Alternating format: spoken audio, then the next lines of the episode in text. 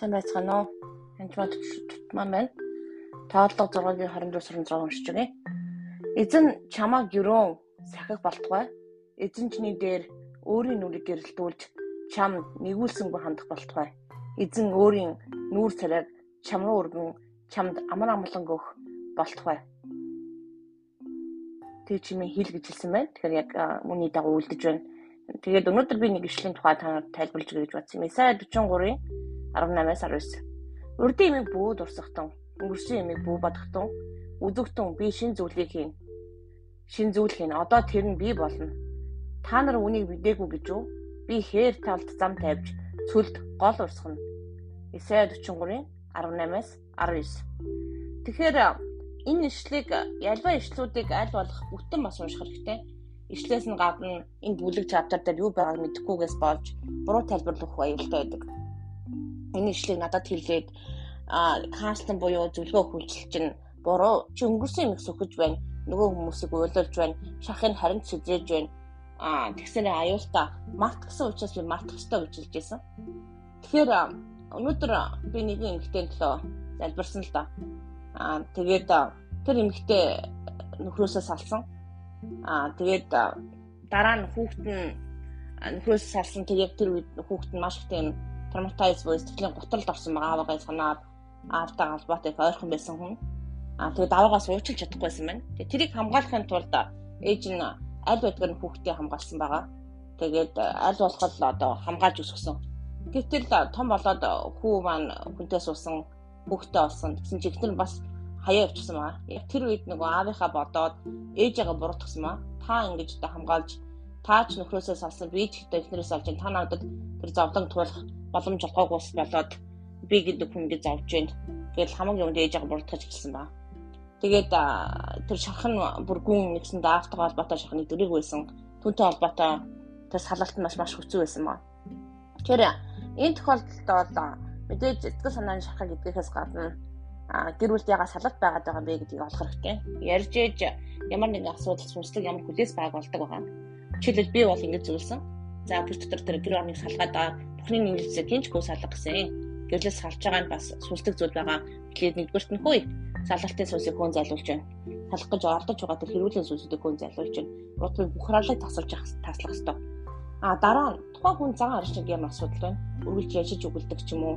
Үнэхээр одоо гэр орныхаа гэр машин тэргээ цэвэрлдэг ч үү, гол ундаач хийдэггүй, эсвэл үр хөвгтэй чангардаггүй байх юм бол мэдээж ямар ч хүн ямар ч талын тогтоход хэцүү. Зан аршил төлөвчлөө сайжруулах хэрэгтэй мэдээж тэр нь хоёр талын хоёулангийнх нь харилцаа холбоо оролцоо чухал чухал. А дээрэс нь тэр хүн ээжигээ буруутгах байгаа. Тэр буруутгах зүйлсийг хүн а тэгээд тэр хүнд аавынх нь эдгээгүй шарах байгаа. Тэр тохиолдолд шарах нь нэгсэндээ хогон дээр хөвс тавьчихсан та адилхан байна гэж бэжэд нь хэлсэн. Тийм учраас тэр хөвсөө аваад хоёлаа шархаа цэвэрлэх хэрэгтэй. Хогоо нэгсэндээ шүүгдэж хаях хэрэгтэй. Тэр тохиолдолд бол ямар ямар ч байсан өмнөх зүйлүүдийг ярьж цэвэрлэх хэрэгтэй. Тэгэхээр тухайн хүн сэтгцийн сэтгцийн ямар нэгэн асуудал эсвэл сэтгэлийн ямар нэгэн шарахтай байх юм бол тэр утгаан ярих үед эмоц нь өөрчлөгдөг байгаа. Аа тэгээд одоо уйлах, арилах, харчрах эсвэл бүр бүр риск болгож үгүйсгэх юм уу наадах чинь би ярмааргүй юм ч гэдэг юм уу. Тэгж ярьж байгаа бол тэр хүн шарахтай байна л гэсэн үг. Эсвэл нэг өрөөгөө одоо битүү хог хийгээд хаалгаа цоожлсон гэсэн үг. Тэгэхээр тэр өрөөнд тэр хог байх юм бол хаах ч юм уу хорхоо шавж үүрлэх аюултай гэсэн. Тийм учраас хаалган голгоод гэрэл наасал үзүүлэх ёстой гэсэн.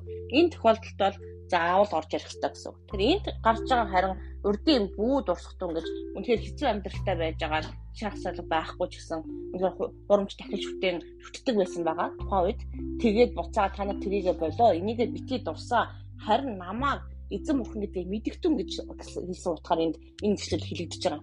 Тэгэхээр та хэрвээ боддост байсан бол бөө байсан бол тэр бүх юма битгий дурсахтун гэж хэлж байгаа. Бүү дурсахтун би танарт яг зүйлд гол гол урсгал би чинь жинхэнэ бурхан байхгүй юу? Би танарт шинэ шин зүйлийг хийх болоо. Та шинэ бүтээлээ гэж хэлж байгаа. Тэгэхээр альва ишлийг тайлбарлахдаа ямар зорилготой яаж хийсэн гэсэн болгож ямар ч одоо ишлийг ямар ч хүн мушгиж бас болно. Тэгэхээр таны гол зорилго бол ариун сүсээ та надад энэ үг ямар учиртай ойл ойлгуулч гэж ойлголтын сүс маш чухал байна. Тэгэхээр ишлийг өөрийнхөө ойлгохоор хүмүүс тайлбарлаж байгаа би хэд хэдэн удаа сонсч байсан. Хэд ч дээ маш олон удаа А гэхдээ эцэл мэдээж тухайн хүний амьдралд олон утгатайгаа илэрхийлж болохгүй бололгүй яг. Гэхдээ нөгөө талдаа эзэн өөрөө юу гэж хэлсэн бол энэ үгийг одоо яг одоо тухайн хүний транслейт хийх гэж байгаа урдаас одоо библийн шишдэд ийм учраас би натгаж ярихгүй гэдэг салалтай холбоотой юм даа ярихгүй байжсэн. Тэрэндээ маш их шарахтаа маш буруу юм хийсэн асуудалтай хүмүүс байсан байгаа. Тэгээ бичвэрт нас болоод хүнтэй суудсан. Тэгээд би бичвэрдээс тэрэндээс болоод маш их шарах авсан байгаа хөөхгүй. Тэгэхээр тэр уучил цэвэрлэж явуулах бол маш чухал байгаа. Тэгэхээр энэ тохиолдолд өнгөрсөн юмыг бүү дурсахтан биш харин ч тэрийг олж хаана асуудал нь загналыг нь гаргаж шийдэх явдал маш чухал байгаа. Тэр үнэхээр эзэн эзний ямар амгалан та нарт байхын тулд таны танд амар өдөр ариусны гол урсахын тулд танд ямар нэгэн бохир гим нүгэл нуусан хаасан эзний юм тэгсэн юм бол байж болохгүй. Тийм учраас тэрийг бүгдийг таягдан хаях ёстой. А тэхийн тулд та бүх маань хичээж зарим зүйл шархаа эзэн дотор илчилж уучил цэвэрлэж явуулах маш чухал байгаа шүү. А тэгээд тэр тохиолдолд хэцүү юу хэцүү тухайн үедээ шарх цэвэрлэхэд өвддөггүй өвддөг.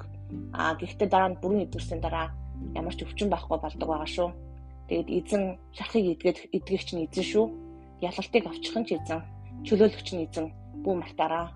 Тэгээд эзэн бүх хардарн байг. Назарын Есүс Христос нэрээр тэгээд та бүхнийг ерөөн залбирч байна. А үүнийг сонсон хүмүүсийн сэтгэлийн шарахаас идэвхэх болтугай. Та тараас илчилж өгөөрэй хаан сэтгэлийн шарахыг нь харуулж өгөөрэй эзэн минь.